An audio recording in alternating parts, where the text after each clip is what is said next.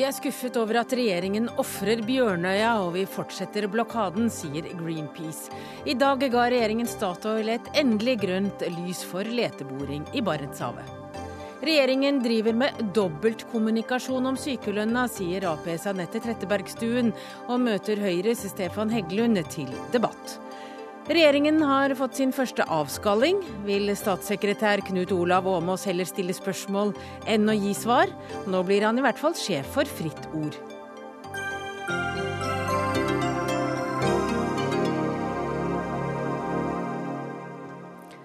Velkommen til Dagsnytt 18. Jeg heter Hege Holm, og vi rekker en tur innom eh, kommunesammenslåing, lærere som det nye snuspolitiet og Norges store ishockeystjerne Sukka i dagens sending. Men aller først skal vi altså til Barentshavet, for Miljøverndepartementet avslo i kveld klagen fra Greenpeace, og med det fikk Statoil en endelig tillatelse til å starte leteboring i Barentshavet. Fortsatt står Greenpeace-skipet Esperanza og blokkerer, slik at Statoils oljerigg ikke kommer fram til der den skal bore. Og leder i Greenpeace Norge, Truls Gullofsen, nå må dere vel gi dere? Nei, vi, vi, ser ingen grunn til å gi oss. Eh, Bjørnøya og iskanten er fortsatt like verdifulle, og det er fortsatt like dumt å gjennomføre denne boringen, selv om, eh, selv om miljøvernminister Sundtoft hadde en gyllen sjanse til å vise at hun tok parti for miljøet i, og mot oljeindustrien, som hun misbrukte. Eh, vi er skuffet over det, eh, men vi kommer til å eh, fortsette blokaden på, på det bordstedet. Ja, Hvor lenge da? Nei, nå er Det jo sånn at det er blitt etablert en, en såkalt forbudssone, sikkerhetssone, på, på, stedet. Den ble eh, vedtatt i går, eh, og ifølge norsk lov så er det altså en 30 dagers notifiseringsperiode før den er gyldig. Så det, vi antar at det betyr at vi har rett til fri ferdsel i dette området i 30 eh, dager framover, i hvert fall. Statssekretær i Miljøverndepartementet Lars Andreas Lunde. Eh, fredag i forrige uke sa dere stans til Statoils prøveboring. Mandag kom kontrabeskjeden. De fikk fortsette, og i dag forkastet dere altså klagen fra Greenpeace. Hva er det som får dere til å ombestemme dere? Ja, Nå var det jo ikke vi som stanset den forrige fredag, det var det jo Miljødirektoratet uh, som gjorde. Uh, så ga departementet på mandag Statoil en midlertidig tillatelse til å bore frem til de støtte på oljeførende lag, mens vi behandlet den klagen fra, fra, Greenpeace. Det er en klage vi har tatt på største alvor. Uh, vi er også helt enig med Greenpeace i at Barentshavet, Bjørnøya og iskanten er svært viktige og verdifulle naturområder som det er viktig å ta vare på. Og Derfor stiller vi også svært strenge krav til boring i dette området. og Miljødirektoratet har stilt veldig strenge krav til denne borelisensen. Eh, og vi mener at det ikke har kommet frem nye forhold i det siste som skulle tilsi at vi skulle ha en annen holdning enn den, de krav som Miljødirektoratet eh, stilte til denne lisensen, og som de har tildelt til Statoil. Og Fortsatt blokkerer altså Greenpeace Statoils virksomhet i området. Hva syns du om det? Eh, jeg synes jo, Nå forstår jeg at Greenpeace ikke mener at dette er en lovlig, ulovlig aksjon. Regjeringen har nok en annen oppfatning av, av det. Nå skal ikke jeg gå inn i jussen i dette her, men jeg vil i hvert fall oppfordre Greenpeace til å holde seg på riktig siden av loven og ikke ty til ulovlige aksjoner. Og det er klart den boringen, boringen av riggen dere gjorde tidligere i uken, den, den var ulovlig. Det å bore et, et, et, en, en, rigg i internasjonalt farvann. Men la nå det ligge. I hvert fall håper jeg at Greenpeace kan holde seg på den riktige siden av loven fremover. Nå sitter du og nikker og rister på hodet her, Gullofsen. Holder, skal dere holde dere på den riktige siden av loven? Altså, Statssekretæren er jo feilinformert. Eh, hvis vår boring boring av Statoils oljerigg eh, tidligere i uka hadde vært ulovlig, så ville jeg anta at de aktivistene som, eh, som, gjorde det, ble anholdt. Det er de ikke. De er løslatt uh, uten bøter. Fordi at uh, på, Dette var Marshall Island-territoriet, fordi Statoil har valgt å bruke en bekvemmelighetsflagget rigg. Det gjelder også uh, Ja, Hva betyr det? Altså, Det var ikke brudd mot norsk lov å gå om bord på den riggen. Fordi den ikke ligger eh... Fordi den ikke ligger og borer. Fordi at det er som et hvilket som helst annet fartøy i internasjonalt farvann, hvor altså flaggstatens jurisdiksjon gjelder. Så den boringen vi gjennomførte eh, her om dagen, var ikke ulovlig. Eh, men politiet fikk myndighet fra Marshall Islands, flaggstaten i Stillehavet, til å fjerne våre aktivister. Det ble gjennomført, og så ble våre aktivister løslatt. Og de er nå på frifot i Tromsø. Så Det betyr at det er jo helt lovlig det som foregår her, ellers hadde vel eh, myndighetene grepet inn, Lunde? Ja, nå er det jo politiet sin sak. for Fra miljømyndighetenes side så tar vi for så vidt ikke stilling til dette om lovlig eller ulovlig. Vi tar stilling til de miljøfaglige siden, siden ved dette. Nettopp. slik at Jeg vil ikke gå inn noen sterkere juridiske diskusjoner. Men, men når de sier at de, må, de har rett til å stå der i 30 dager Det er en sak jeg vil si det opp til justismyndighetene å, å vurdere. Men når departementet nå da gir grønt lys til oljeboring, eh, betyr det at eh, dere er enige med Statoil i at det er forsvarlig å bore, og at risikoen eh, for utslipp er, altså er ganske minimal? Dette er jo et område som Stortinget har åpnet for eh, oljeproduksjon gjennom den gjeldende forvaltningsplanen eh, for området, og som Miljødirektoratet har gitt tillatelse til, på, slik at dette er en lovlig boring både i henhold til Stortingets vedtak og i henhold til den tillatelsen de har fått fra direktoratet. Men som miljømyndighet så, så er dere ikke bekymret? Jo, eh, og Miljødirektoratet har vurdert at risikoen ved denne boringen er liten, og at den er innenfor, innenfor akseptable rammer.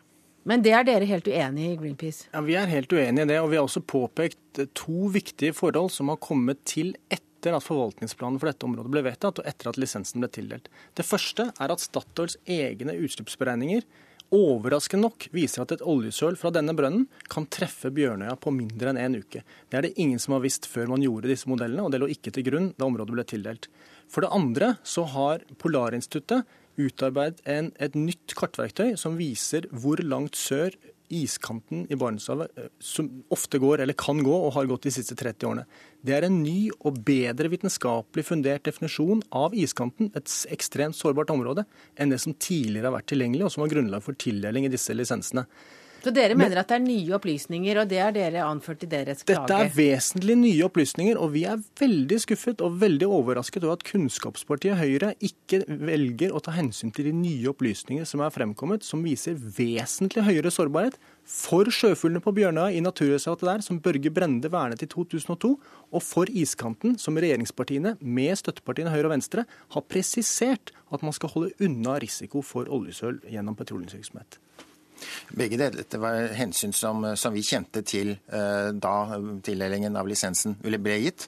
Når det gjaldt oljesøl, så ligger altså dette området 160 km fra Bjørnøya. Det ligger ikke tett opp til Bjørnøya. Det er mer enn tre ganger så langt som fra Trollfeltet ligger utenfor kysten av Vestlandet, eh, f.eks. Og Miljødirektoratet har hatt en grundig vurdering av risikoen for oljesøl på Bjørnøya, og funnet ut at denne er akseptabel. Den er der, slik som enhver. Oljevirksomhet innebærer en viss risiko, men den er innenfor innenfor akseptable rammer. Når det gjelder grensen for iskanten, så har alltid den vært basert på vitenskapelige data, basert på statistikk og, og vitenskap. Og vi har alltid visst at iskanten kunne gå syd for det kartet som Stortinget fikk seg forelagt da man behandlet forvaltningsplanen i, i, i 2010. Dette er jo 30 år gammel statistikk, slik at det er jo ikke nye tall, men er tvert imot altså 30 år gammel statistikk, selv om selve rapporten er ny. Ja, altså Det er veldig hyggelig å høre at du i hvert fall er enig med meg at det er viktig å ta hensyn til den én million hekkende sjøfugl som i dag holder til på Bjørnøya, og at iskanten er en sone hvor vi ikke kan risikere oljesøl fordi at vi ikke kan håndtere konsekvensene, og vi kan ikke håndtere opprydding. Det er jeg glad for at du hører. Men jeg er skuffet over at du bagatelliserer de utfordringene som finnes. Dette er 300 km fra norskekysten, ekstreme forhold og ekstreme miljøverdier. Bjørnøya er et av verdens viktigste hekkeområder for sjøfugl. Vi kan ikke ta sjansen på at noe skal gå galt der oppe. Du skal få siste ordet. Mener dere at den sjansen kan man ta, bare det gjøres under, under betryggende omstendigheter? Det er klart, Enhver petroleumsvirksomhet vil innebære en viss risiko. Men risikoen her er minimal. og Det er ikke jeg som mener det, men dette er det Miljødirektoratet, som er våre fremste fagmyndigheter, som nettopp skal ivareta miljøhensynene og beskytte fuglefjell og andre viktige naturressurser mot, mot oljesøl og denne risikoen. Vi har tiltro til at våre fremste fagfolk på dette området har gjort jobben sin grundig. Vi fortsetter ja, våre protester, og vi oppfordrer Statoil til å ta til fornuft, nå som Miljøverndepartementet ikke har gjort det. Takk til Truls Gullåsen, leder i Greenpeace Norge, og Lars Andreas Lunde, statssekretær i Miljøverndepartementet. Dagsnytt 18 alle hverdager klokka 18. På NRK P2 og NRK2.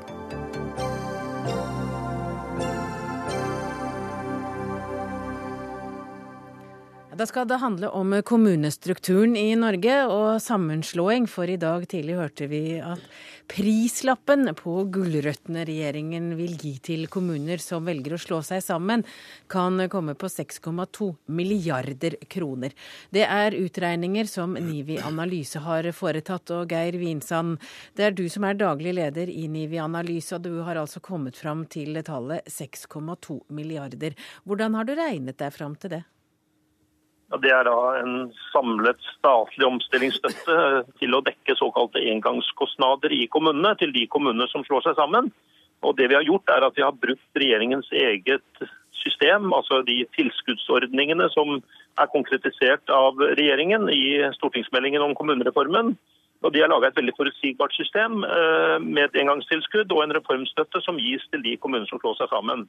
Hvis vi ser for oss da at det slår seg sammen så mange kommuner at vi får 100, rundt 100 kommuner, 100 regionkommuner, som er foreslått av regjeringens eget ekspertutvalg, og som vi i NIBI også anser som en, en mulig prognose, så vil det koste 6, staten 6,2 milliarder i engangstilskudd. Hvis vi ser for oss at man slår sammen en, lager en mykere reform, altså at en, to, og to og to kommuner slår seg sammen, og vi får en 215 kommuner kanskje i Norge, så vil det bli en prislapp på ca. 5,3 milliarder. Du har selv eh, sagt at du ble overrasket eh, da du så det høye tallet. Hvorfor det? Jo, fordi dette er jo, dette er jo midler som skal gi den nye organisasjonen en god start. Eh, og Det er jo meget god begrunnelse for bruk av disse midlene, det, det er det. Men det er historisk eh, høye tall. altså Både vurdert i forhold til hva som har vært vanlig tidligere i Norge, og også hva som har vært vanlig i de nordiske landene gjennom kommunehistorien. kommunehistorien. Fordi gulrøttene da er så gode at man kan ikke unngå å la være å si ja? Jeg, tror nok at de aller fleste vil se at dette er jo små tall i forhold til de totale omsetningene i kommunene. Men, men, men for å gi de nye organisasjonene en ny start, så er dette svært øh, velkomne midler, vil jeg tro. Til de som ser at det går i retning av kommunesammenslutninger. De som ønsker å styre dette selv, de får en meget god øh, mulighet for å investere i nytt IKT-system, bygge opp lokale servicekontor, styre omstillingsprosessene på en god måte. Så de som øh, ønsker å styre dette selv, de bør eh, benytte seg av disse ordningene, vil jeg tro. Ja, Kommunalminister Jan Tore Sanner, du går ikke god for tallet 6,2 milliarder eh, kroner. Hvorfor det? Nei, vi har ikke gått inn og regnet eh, på det, rett og slett fordi at eh, vi er nå inne i en prosess hvor vi ikke kan si på forhånd hvor mange kommunesammenslåinger det blir.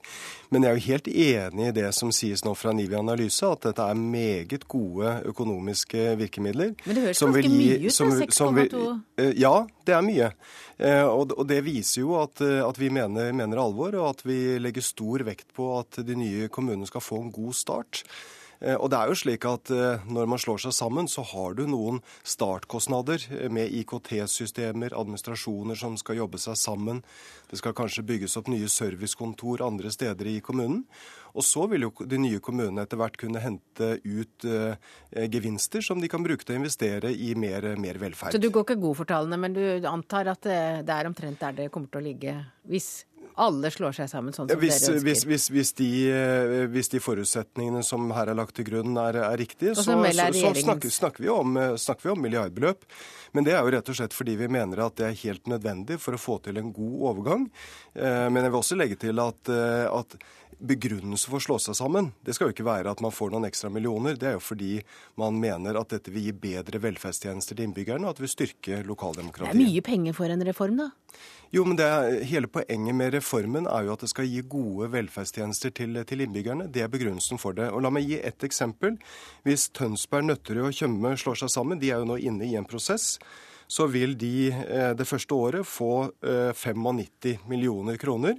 Eh, og fordi at de da får beholde basistilskuddet i kommuneøkonomien i, i 20 år, så vil de hvert eneste år etter det også få 24,5 million ekstra. I 15 år så blir det trappet ned de siste fem. Det gir kommunene god forutsigbarhet, og det gjør at de kan få til en god sammenslåingsprosess som sikrer innbyggerne gode velferdstjenester. Det er det som er målet med reformen. Kjersti Toppe, du er stortingsrepresentant for Senterpartiet. Dette er vel nesten et tilbud som veldig få kommuner har råd til å si nei til i dag, eller hva?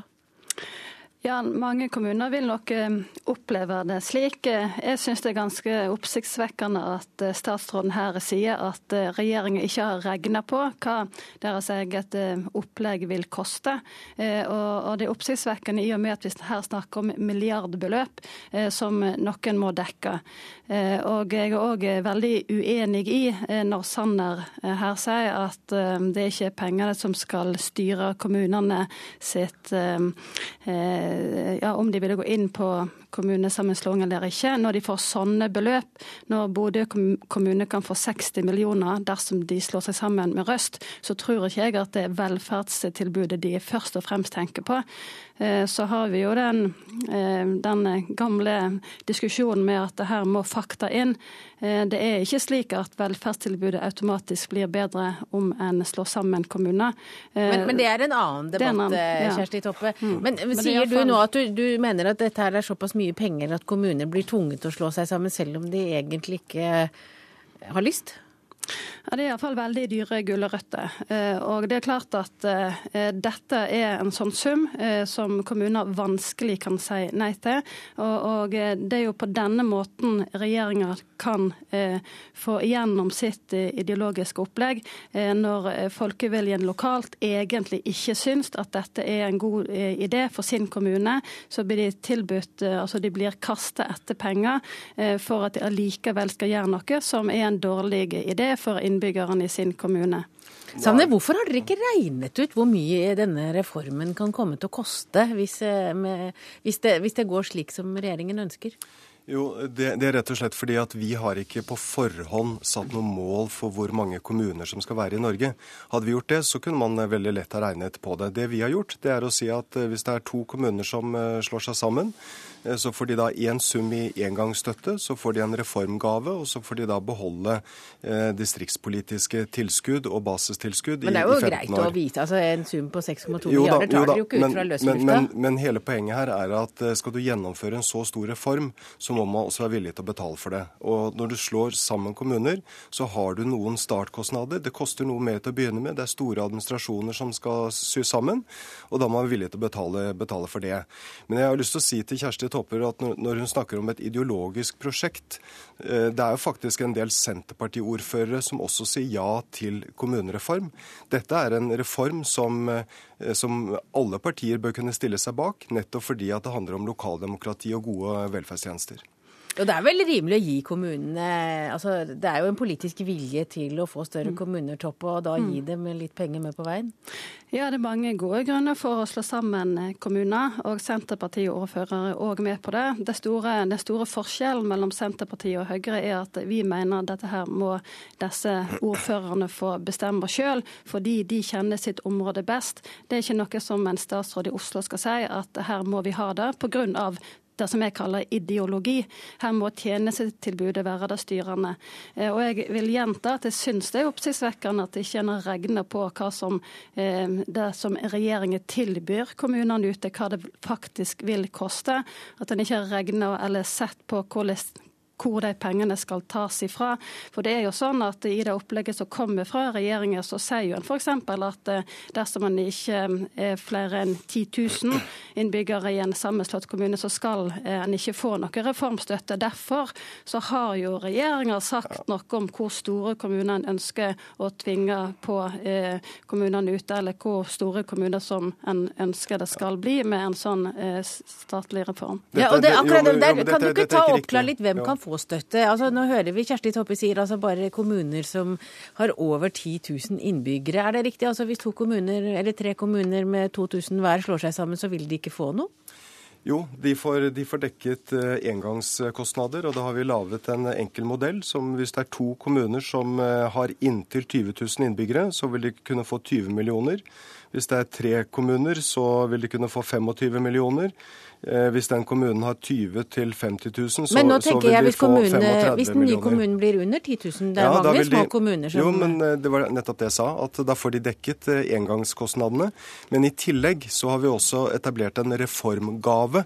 Eh, Og der har vi sagt at eh, det er de kommunene som er de nye kommunene, som det er over 10 000 innbyggere, eh, som vil få denne reformgaven. Men, og i tillegg vil alle få dekket, eh, en gang, få dekket bas, få basistilskudd og distriktspolitiske tilskudd i 15-20 år. Så dette er en gunstig økonomisk pakke, og det gjør vi fordi at vi ønsker at de nye kommunene skal få en god start, og så vil de etter hvert kunne hente ut gevinster som de kan bruke til å styrke, styrke velferden. Kjersti Toppe, det høres jo ut som regjeringen her har laget et tilbud, eh, an offer you can't refuse. Tror du at tiden for de små kommunene er over? Nei, Det håper jeg virkelig ikke. Jeg mener som Sanner at her må vi være opptatt av hva som gir best tjenestetilbud til eh, befolkningen. Eh, eh, kommunene er jo òg en viktig demokratiarena og en samfunnsutvikler. Jeg er aller mest bekymret for at demokratiarenaen, altså kommunen som demokratiarena, blir svekka. Det er òg mange undersøkelser som viser at folkestyret blir svekka jo større kommunene blir. Det er min fremste bekymring. Og her har jo ikke Sanner og regjeringa gitt et godt nok svar på hvordan lokaldemokratiet skal ivaretas i en sånn reform som Dette de legger ikke, opp til. det- dette, dette har du ikke dekning for. Eh, Det er ikke riktig å si at lokaldemokratiet blir svekket, snarere tvert imot. Når det blir større samsvar mellom hvilke oppgaver man har og hvilket ansvar man har, så betyr jo det at, at lokalpolitikerne vil ha flere oppgaver. Men jeg, er vi helt til slutt- langt helt inne i en annen annen Jo da, debatt, men jeg har bare lyst til å si at jeg er overrasket over den lille rausheten fra Senterpartiet. At de ikke mener at kommuner som slår seg sammen skal få en eh, god nok eh, start. Jeg hadde forventa at Senterpartiet i hvert fall hadde støttet de økonomiske virkemidlene, slik at de nye kommunene kan få en god start, og slik at de kan bruke midler til å styrke velferden i årene som kommer. Takk til eh, kommunalminister Jan Tore Sanner og Kjersti Toppe fra Senterpartiet. Her blir dere nok ikke enig.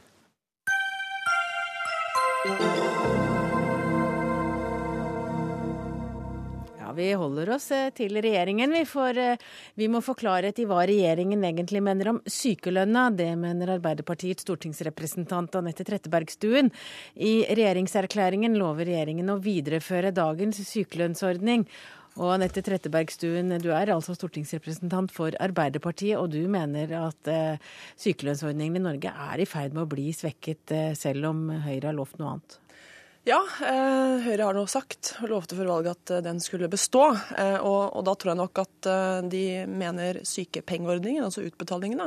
Men det vi nå ser, er jo at ordningen angripes på andre måter. At de angriper folks tilgang til den ved at de skal innføre det som heter normerte sykemeldinger. Altså en, en mal for, og en standard for sykemeldingslengde per diagnose. En overprøving av eh, Altså en legens brukket skjønn. arm er fire måneder, ja, ja. Urinveisinfeksjon to, To uker, uker, mm. eksempelvis.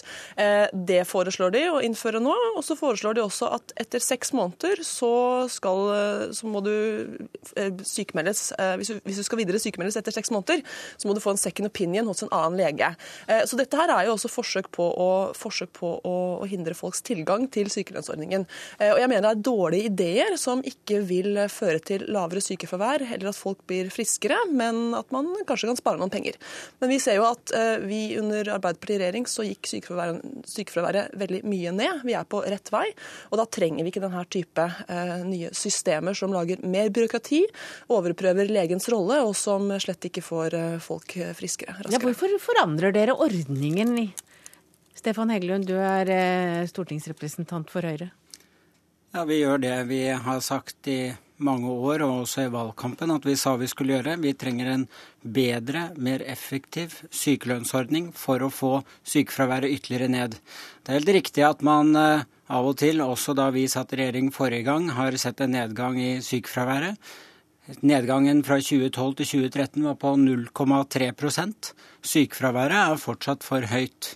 Så har vi sagt at vi skal videreføre ytelsesnivået, men at vi skal gjøre noe med sykelønnsordningen for å få sykefraværet ned. Men Det hvordan, ene er hvordan får dere sykefraværet ned hvis det er da normert tid for hvor lenge du skal være sykemeldt om du har urinveisinfeksjon eller en brukket arm? Ja, Det ene er da normerte, syke, normerte sykelø, normert det andre er sykelønnsordning, og. Det andre er seks måneder.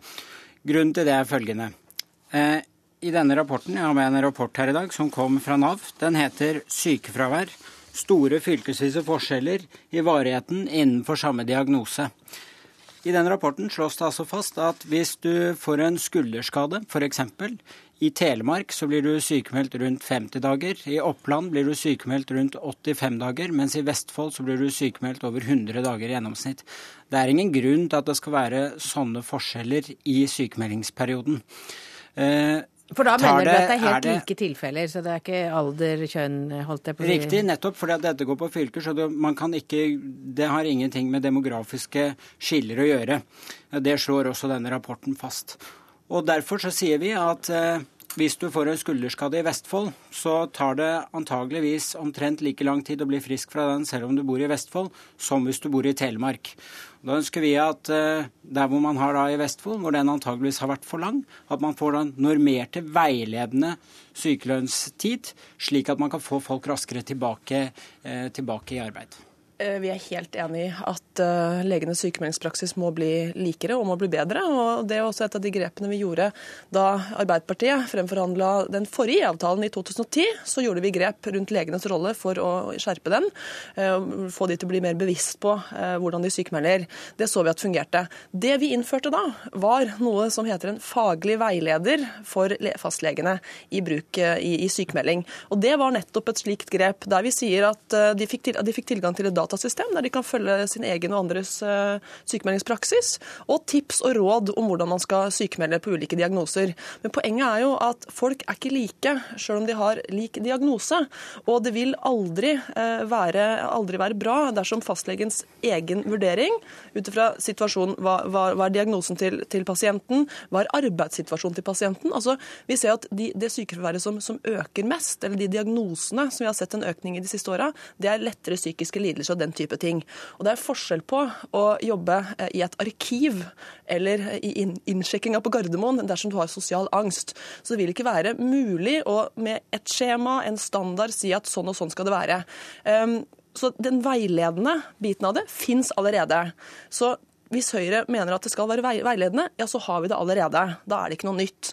Men hvis Høyre mener at her skal legens egen vurdering overprøves av at regjeringa setter en standard og en tidslengde per diagnose, ja, så er det dumt. For det vil også føre til, og det sier også Legeforeningen, det vil føre til at mange vil gå tilbake til jobb før de er friske, men mange vil også gå hjemme eh, uten å trenge å være sykmeldt. Og det er jeg veldig mot. Men uh, Anette Trettebergstuen argumenterer mot noe nå som hun vet at regjeringen ikke kommer til å innføre. Det syns jeg er litt pussig. Men, men, dere har jo valgt å gå et hakk lenger enn det den forrige regjeringen gjort, gjorde. Så det er jo, dere vil jo stramme inn skruen litt til. Og vil, dere ja, mistror jo på en måte legenes nei. evne til å gi de riktige diagnosene og den riktige. Lengden på sykemeldingene? Nei, det gjør vi ikke. fordi vi sier at det er legens egen vurdering som skal veie tyngst. Men det vi har sagt at vi skal gjøre, er at vi skal nå utvikle det man kaller et beslutningsstøttesystem for sykemeldere. Normerte veiledninger som skal gjøre det enklere. Og det gjør det også mer forutsigbart for pasienten. Her er en grunn til at dette er veldig viktig. Det er jo fordi at jo lenger du står sykemeldt, jo vanskeligere er det å komme tilbake i arbeid.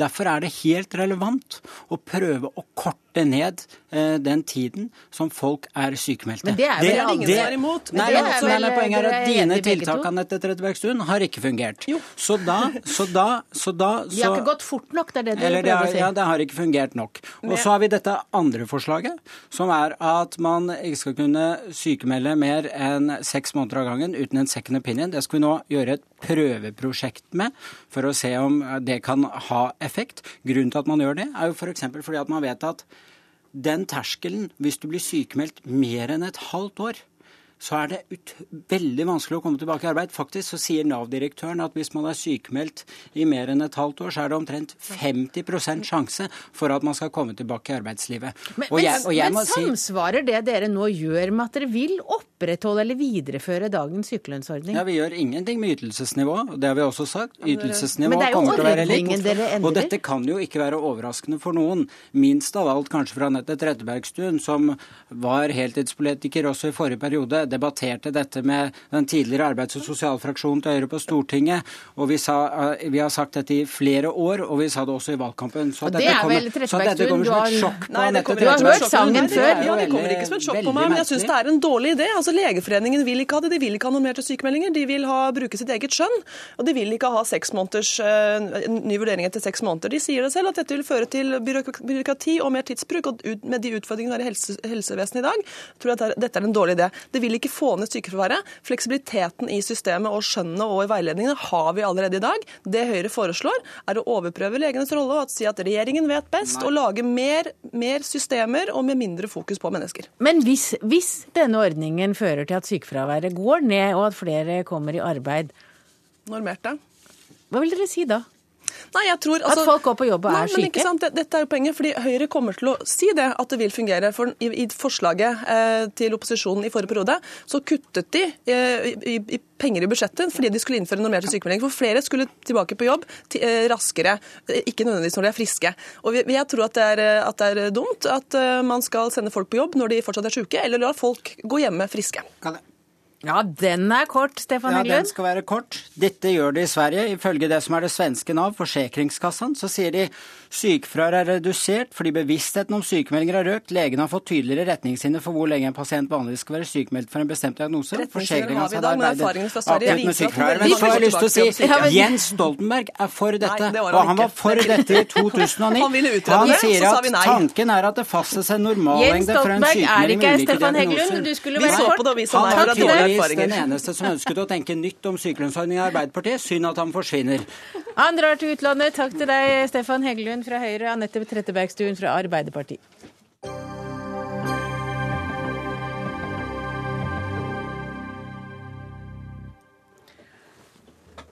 Hva kommer til å gjøre levestandarden høyere for folk som bor i utviklingsland? Er det at eh, inntektsforskjeller øker? Det spør du i en kronikk, Bernt G. Apeland. Du er generalsekretær i Unicef, og du burde jo vite det. Hva tror du er svaret? Hvordan får du opp levestandarden i et u-land? mitt utgangspunkt for å skrive det innlegget eh, er at eh, verden nå skal etablere nye tusenårsmål til erstatning for de eh, vi har, og som utløper neste år.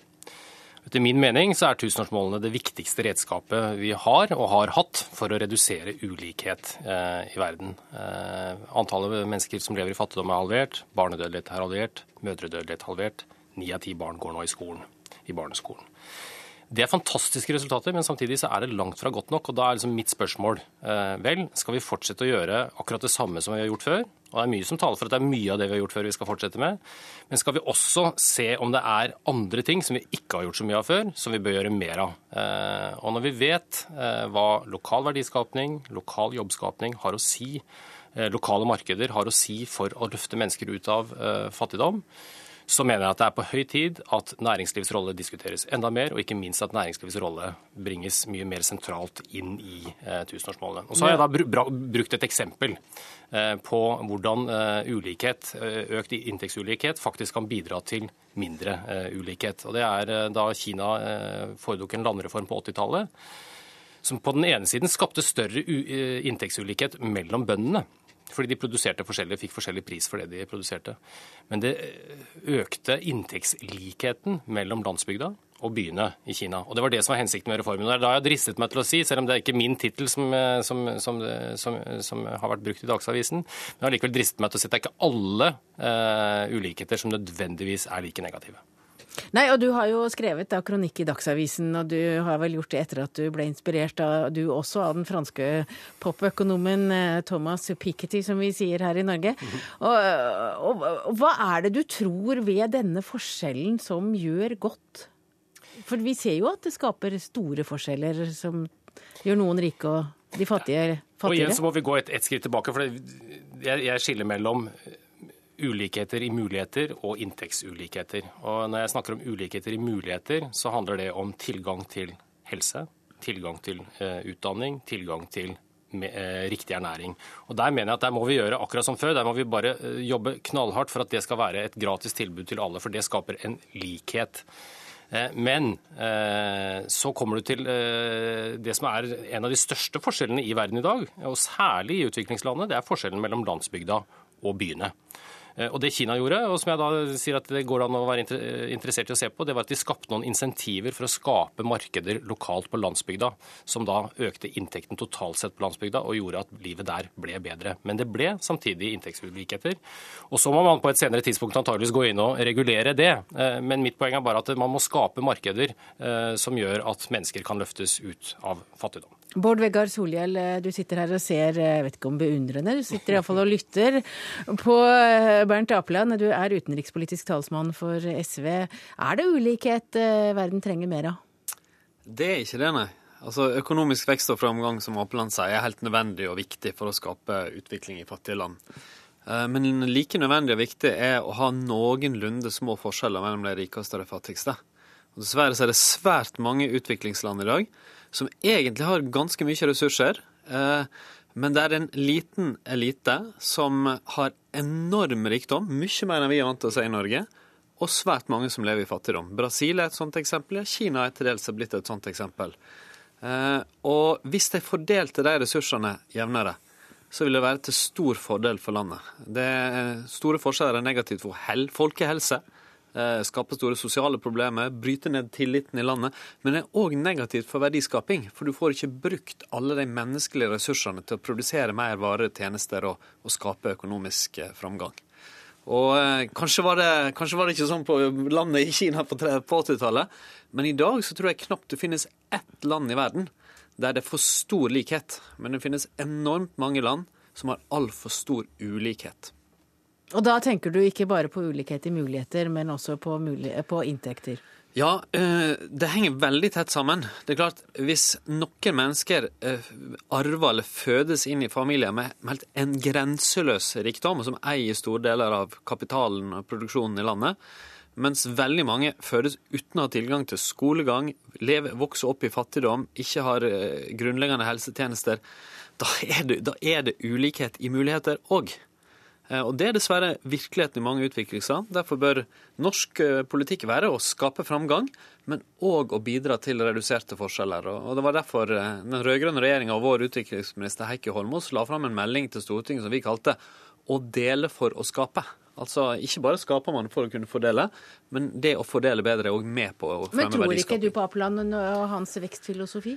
Altså Jeg opplever han jo litt mer nyansert nå jeg, jeg, men det jeg vil nok skille lag, det er at jeg ser ikke bare at det er sånn at hvis vi får verdiskaping og framgang, så løser det seg. Jeg tror at det å minske forskjellene i seg sjøl er et mål for å skape bedre samfunn. Og at det òg igjen bidrar til mer verdiskaping, for du får tatt alle de menneskelige ressursene i bruk. Jeg opplever nok ikke at det er de helt store ulikhetene i, i det Solhjell Nei, men du sier at du må men, tenke nytt. Jo, men allikevel det er ett tall som jeg er veldig engstelig for. Eh, og det er at fram til 2030 så trengs det å skapes 470 millioner jobber i verden. Eh, en, altså en, nesten en halv milliard jobber for at de menneskene som vi nå heldigvis klarer å få, få til å leve opp og uh, få uh, i hvert fall noe utdannelse, faktisk skal kunne klare å brødfø seg sjøl gjennom en, uh, en anstendig jobb. Og Da er jeg litt usikker på om, om man skal stirre seg blindt på enhver, eh, og, og, forhindre enhver ulikhetsforskjell. og Det er det, det jeg løfter opp som et diskusjonstema. Fordi... Ja, for Du mener at det har man gjort det nå? Ja, men jeg mener i hvert fall I den norske debatten så er det veldig liten grad av å snakke om lokale markeders betydning når vi snakker om bistand i, i Norge. Altså, i hvert fall i den, Det er mulig at Solhjell gjør det veldig ofte, men jeg hører ikke det eh, så ofte. Eh, jeg mener at eh, næringslivets ansvar også for å skape anstendige jobber eh, må løftes opp eh, mye mer. I det hele tatt jeg mener at næringslivet må løftes opp mye mer. For vi skal skape 470 millioner jobber, så gjør vi ikke det uten at, næring, uten at, uten at næringslivet faktisk får muligheten til å skape det. Og så er jeg helt enig at jeg er ikke ute ute etter å skape noen eh, rike eliter. Jeg er ute etter å skape inntekter lokalt der mennesker bor. Men da må vi faktisk akseptere at det er noen som gjør den jobben bedre enn andre, og da vil det oppstå noen inntektsforskjeller. og Det er det jeg snakker om. Jeg snakker ikke om de store, store gapet. Men jeg har faktisk aldri sett noe dokumentasjon på at du får skapt mer arbeidsplasser i land som har store økonomiske forskjeller mellom rike og fattige. Tvert imot så ser vi at i mange land så henger det negativt sammen. Altså massearbeidsløshet bidrar jo til større forskjeller, og motsatt. Eh, der det er store forskjeller, folk som ikke har utdanning og helse osv., så, videre, så kommer de seg aldri inn i arbeidsmarkedet. Og så, Hvis det var sånn at de fleste land i verden der tjente alle det samme, og det var ingen forskjeller, da kunne jeg forstå en etterlysning av litt mer forskjeller. Men virkeligheten er jo motsatt. at veldig mange u-land har jo mennesker som er mye rikere enn noen vi kjenner her i Norge, men samtidig et stort flertall som er veldig fattige. Og hvis de fordelte ressursene jevnere, så ville antageligvis langt flere kunne bidra til samfunnsøkonomien, og de ville få ja, sunnere og bedre samfunn. Akkurat der er dere nok enige, og nå er denne debatten slutt. Takk til Bernt Apeland fra Unicef og Bård Vegar Solhjell fra SV.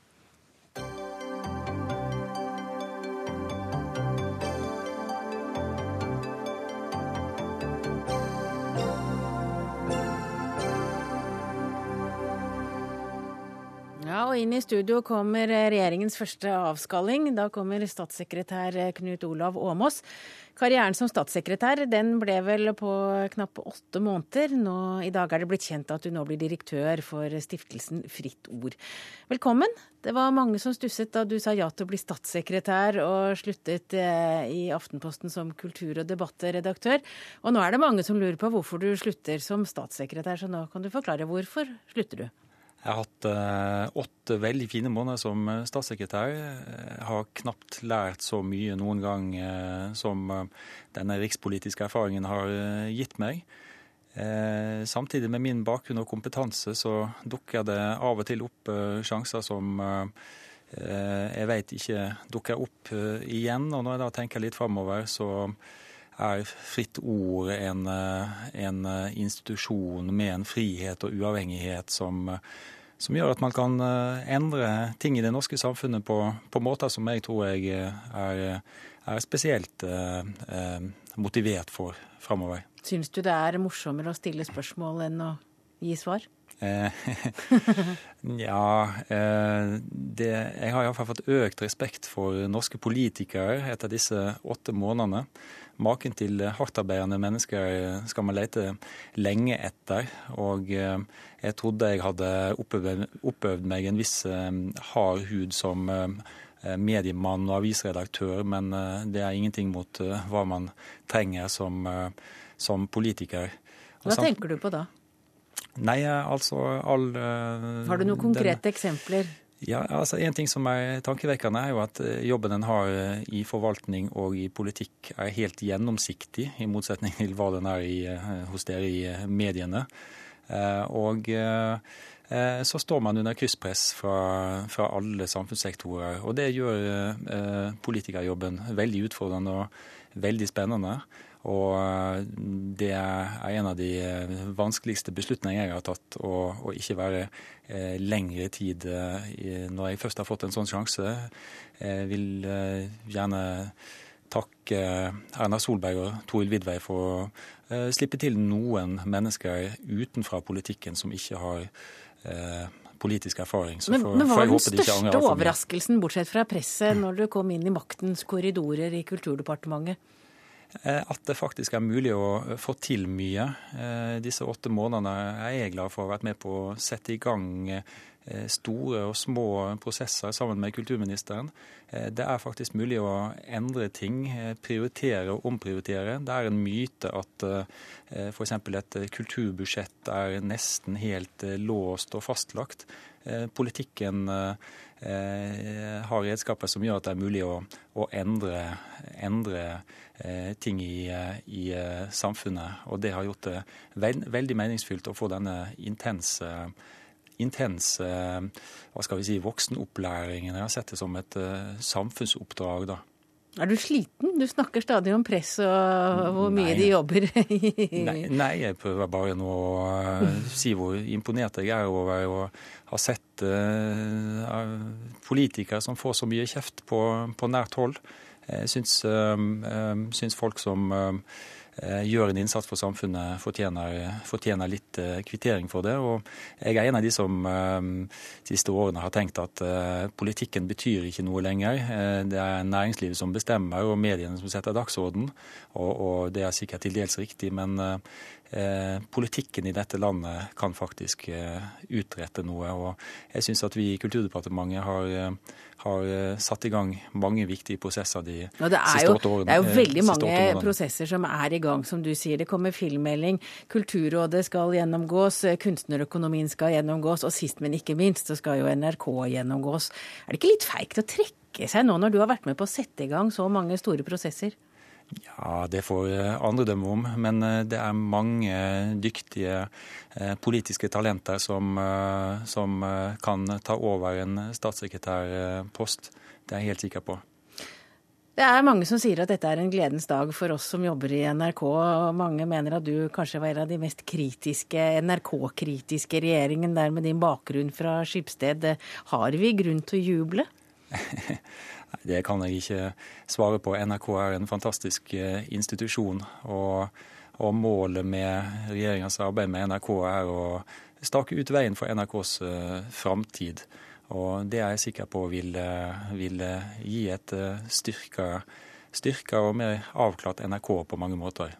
Har du søkt jobben i Fritt Ord? Nei, jeg har ikke det. Jeg søker ikke, søker ikke jobber. Og det har vært veldig vanskelig å bestemme seg. Bestemte meg i dag, faktisk.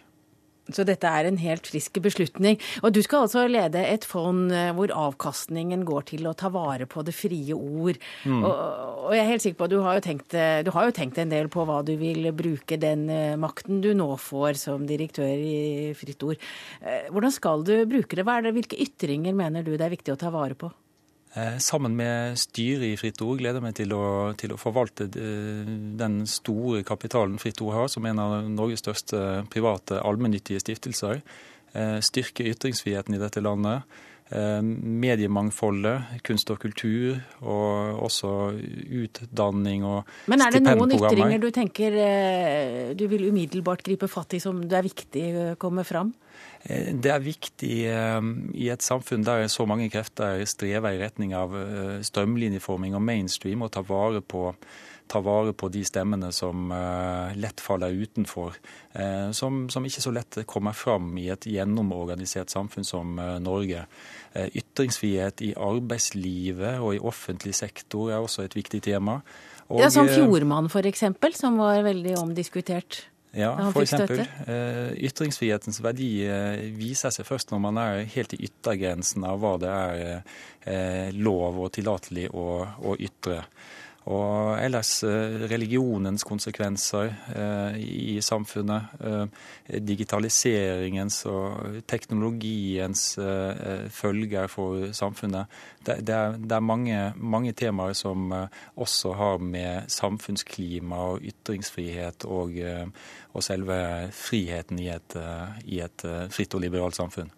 Og Et raskt Google-søk på deg, Knut Olav Åmås, det viser jo at eh, din, eh, dine store suksesser ligger i nettopp eh, å sette i gang debatter og holde debatter i gang både i Samtiden og Aftenposten. Når begynner du i Fritt Ord? En gang i løpet av høsten. Takk til deg, og lykke til. Tusen takk.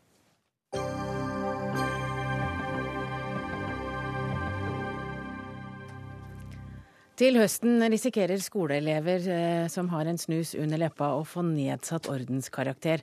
1.7 da innføres nemlig tobakksforbud i skoletiden. Og Atle Simonsen, du er formann i Fremskrittspartiets Ungdom. Eh, du syns ikke noe om dette forbudet? Nei, ikke i det hele tatt. Altså, Hvorfor det? Hvem er det egentlig snusing skader, utenom en sjøl? Eh, altså, blir det neste da at en skal ha snusforbud for alle som jobber på en offentlig arbeidsplass? Jeg mener det er viktigere at lærerne lærer elevene matte, norsk og engelsk eller yrkesfag, ikke et snuspoliti som tar kontroll av underleppene til, til elevene. Men gir det ikke helsegevinst at færre snuser og færre røyker? Jo, men jeg tror ikke dette er et forslag som vil få det til å skje. Men vi må huske at dette er myndige personer. 18-åringer som, som, går på en skole skal ikke få lov å ta seg en snus. Og dette forslaget går så langt at det er til og med på vei til skolen, eller vei hjem fra skolen, så skal du ikke få lov å snuse. Eller hvis du sitter på en hjemmeeksamen, så skal det være forbudt å snuse. Lærerne sier allerede at de har lite tid til å drive med undervisning, og da må vi sørge for at de får mer tid til undervisning, ikke at de skal være snuspoliti med underleppekontroll. Kjersti Toppe, du er fortsatt med oss, og du er fortsatt stortingsrepresentant for. Senterpartiet og første nestleder i helse- og omsorgskomiteen. Dette er et forbud som ble vedtatt av det forrige Stortinget, og nå skal altså settes ut i livet. Eh, du har vært en av pådriverne. Hvorfor syns du dette er et eh, godt forbud?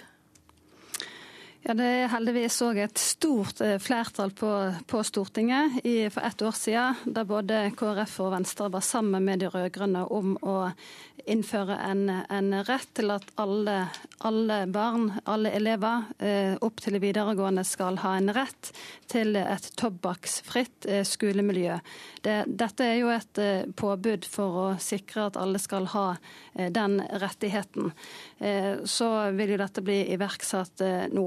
Og eh, Grunnen til at det er viktig, er jo at eh, vi eh, utenom Frp har iallfall et målsetting om å redusere tobakksbruken i Norge.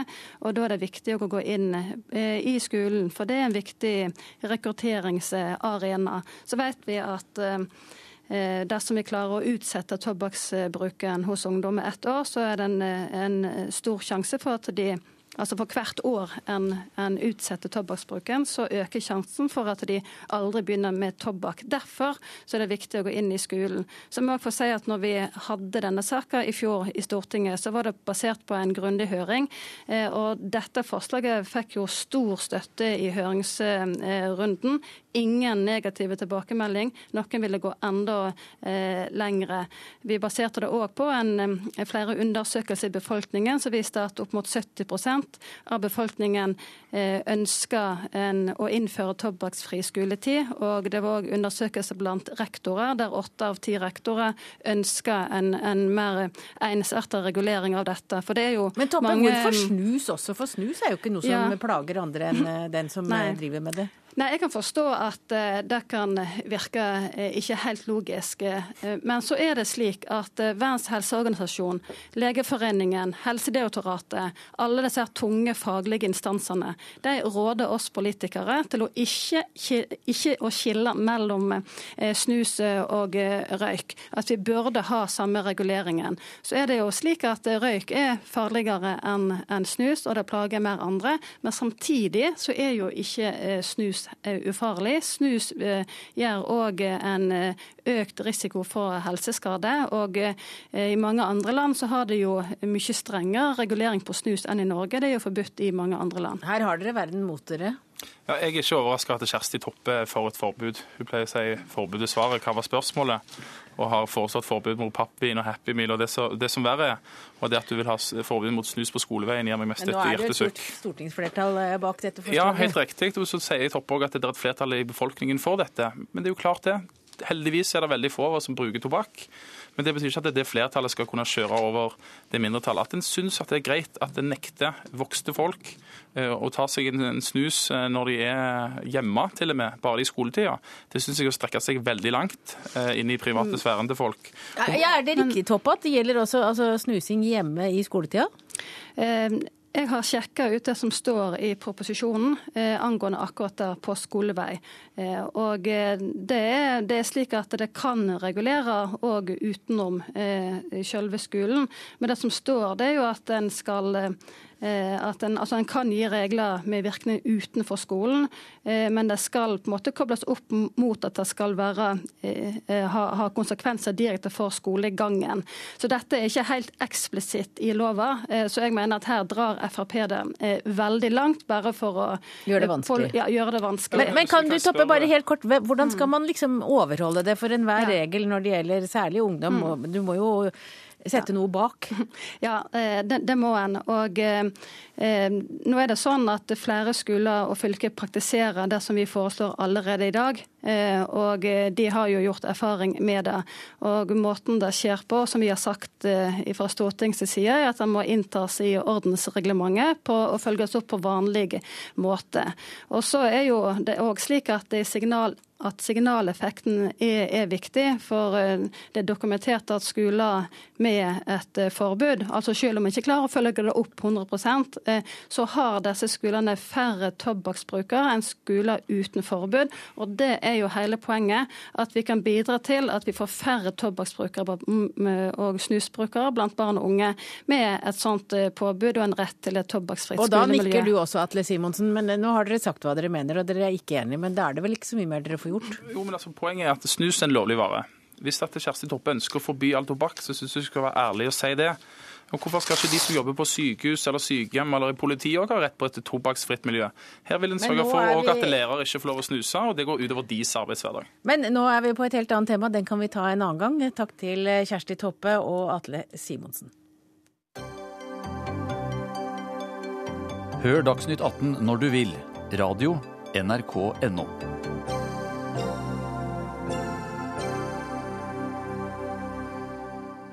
Det er bare noe man har drømt om før, og nå skjer det, så det er, det er stort.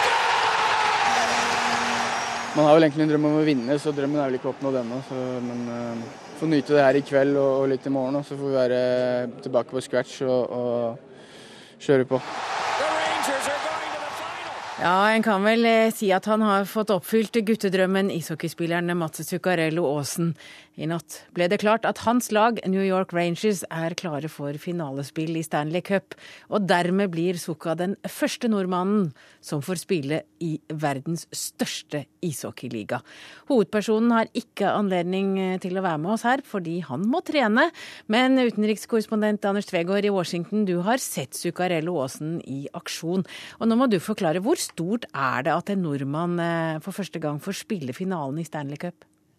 Dette er jo å skrive norsk eh, ishockeyhistorie. Det er ingen andre nordmenn som har nådd eh, så langt. Vi snakker om verdens største ishockeyliga. Det er 20 år siden sist eh, New York Rangers var i finalen. Nå er Zucca, eller Zuccarello, en del av det. Det er hockeyfeber i New York og også på østkysten. Her i USA så er også Zuccarello et kjent navn. Drakt nummer 36 med en enorm interesse rundt, rundt seg og, og, rundt laget. Det er en sport som får mye større oppmerksomhet her i USA USA, og også i Sverige for den sakens skyld, eh, enn i, enn, enn i Norge. Og um, Det er dedikerte fans, det er et enormt show som eh, puttes på, på isen. Det er ikke bare ishockey det handler om, men også uh, alt rundt. Um, jeg, har, jeg, jeg, vet ikke hvordan, hva, hva, jeg kan si mer jeg, ja, blir han, om dette her. Blir altså, han landskjent? altså Blir han kjendis i USA av å være på dette laget? Ja, Du har jo dedikerte eh, fans. De som følger ishockey, alle vet hvem eh, Zuccarello er. Den eh, lille nordmannen. Han har gjort en stor innsats for laget. Han har vært i Rangers tidligere, vært sendt ned i, i andre divisjoner, Farmer-lag som det heter her. Han har vært i, i, Russland og så kommet tilbake til New York. Det er et navn. De som følger sporten, vet helt klart hva han gjør på isen. og Eh, men, men Zuccarello selv, han, han, er jo eh, litt sånn avmålt og, og, og en jordnær eh, person. Kanskje ja, Hvilken rolle har han spilt i at de nå har nådd finalen for første gang siden 94? Ja, jeg er nok ikke den sterkeste til å vurdere det, det skal jeg være helt, uh, helt, åpen på. Men snakker du med fansen, så sier de at han får mye tid på isen. Han er kjent for hurtighet og gode pasninger. Uh, han bygger opp mye av spillet, og spesielt i de kritiske delene av, av matchen så uh, er det Zuccarello som man regner med, og, og, og som spilles inn. han er viktig for laget. og det er, det er en, um, han, er, han, er, en uh, kar som um, ses på som helt sentral i, i, i Rangers. Ja, Ottar Eide, du er generalsekretær i Norges ishockeyforbund. Du gratulerer først, men du kan kanskje forklare oss eh, hva det er med Zuccarello? Altså, han er jo et resultat av eh, lang, en lang periode med, med god trening. Eh, treningsgiver og vært i det rette miljøet med de rette innstillingene. Og At han kommer så langt som han gjør, det er jo eh, mye hans egen, eh, egen gevinst. Og han har virkelig stått på. Han har vist at det går an. Han har hatt motstand og eh, gått nedover i AHL, sendt til Russland, og så kommet tilbake og gjør den sesongen han gjør nå, hvor han får en mer og mer sentral plass i laget. og Det, det er veldig stort, det han gjør. og det, Dette betyr jo veldig mye for Mats selv, men eh, også mye for norsk ishockey, alle som er glad i norsk ishockey. Ja, Du har jo kjent han eh, siden han var elev eh, på Norges toppidrettsgymnas. Eh, visste du at han kom til å bli stor? Nei, Jeg har ikke kjent ham så godt, jeg har bare fulgt med han. Eh, og han, eh, han har jo vist den viljen. Han, han trener mye. Han står, står, etter treningene på isen og leker. Det gjør han borte i Rangers også. Vi har vært og sett på han der borte. Og når de fleste andre har gått av isen, står han og noen til og leker. Og dette er litt av det som kjennetegner de som blir gode. De gjør det lille ekstra for å nå den toppen. Og han er jo en morsom spiller. Og gjør mye uventa og er veldig god på på det han skal gjøre for laget. Dette er et lagspill med stor L, og det er jo det som er gøy med ishockey, hvor man har ulike roller. og Hans rolle er veldig, veldig dedikert, hvor han fyller den enormt godt. Ja, Hva skjer nå, da? Når de kommer til Stanley Cup? Altså, dette, er det, dette, er jo det, største innen ishockeyverdenen. Eh, å, vinne, være i finalen og eventuelt vinne den. Eh, og det er klart, altså de, de, er flinke til å nullstille seg, disse spillerne. og De går på banen og gjør det de skal. Eh, så får vi se om det er nok for Rangers denne gangen. De har et godt lag, men, men kanskje ikke så godt som mange trodde før sesongen at de skulle kunne klare å komme helt til finalen. Men eh, hvordan det går, det er ikke så viktig. Det viktigste er at de har kommet hit, er det det du sier?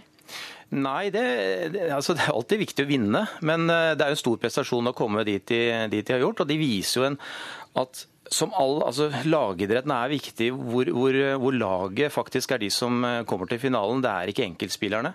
Og Det får vi se hvordan går, for nå er vår tid over. Takk til deg, Ottar Eide, generalsekretær i Ishockeyforbundet. Takk også til Anders Tvegård i Washington. Vår sending den er eh, over. Og ansvarlig for sendingen var Dag Dørum. Teknikken sto Lisbeth Sellereite for, og jeg heter Hege Holm. God helg.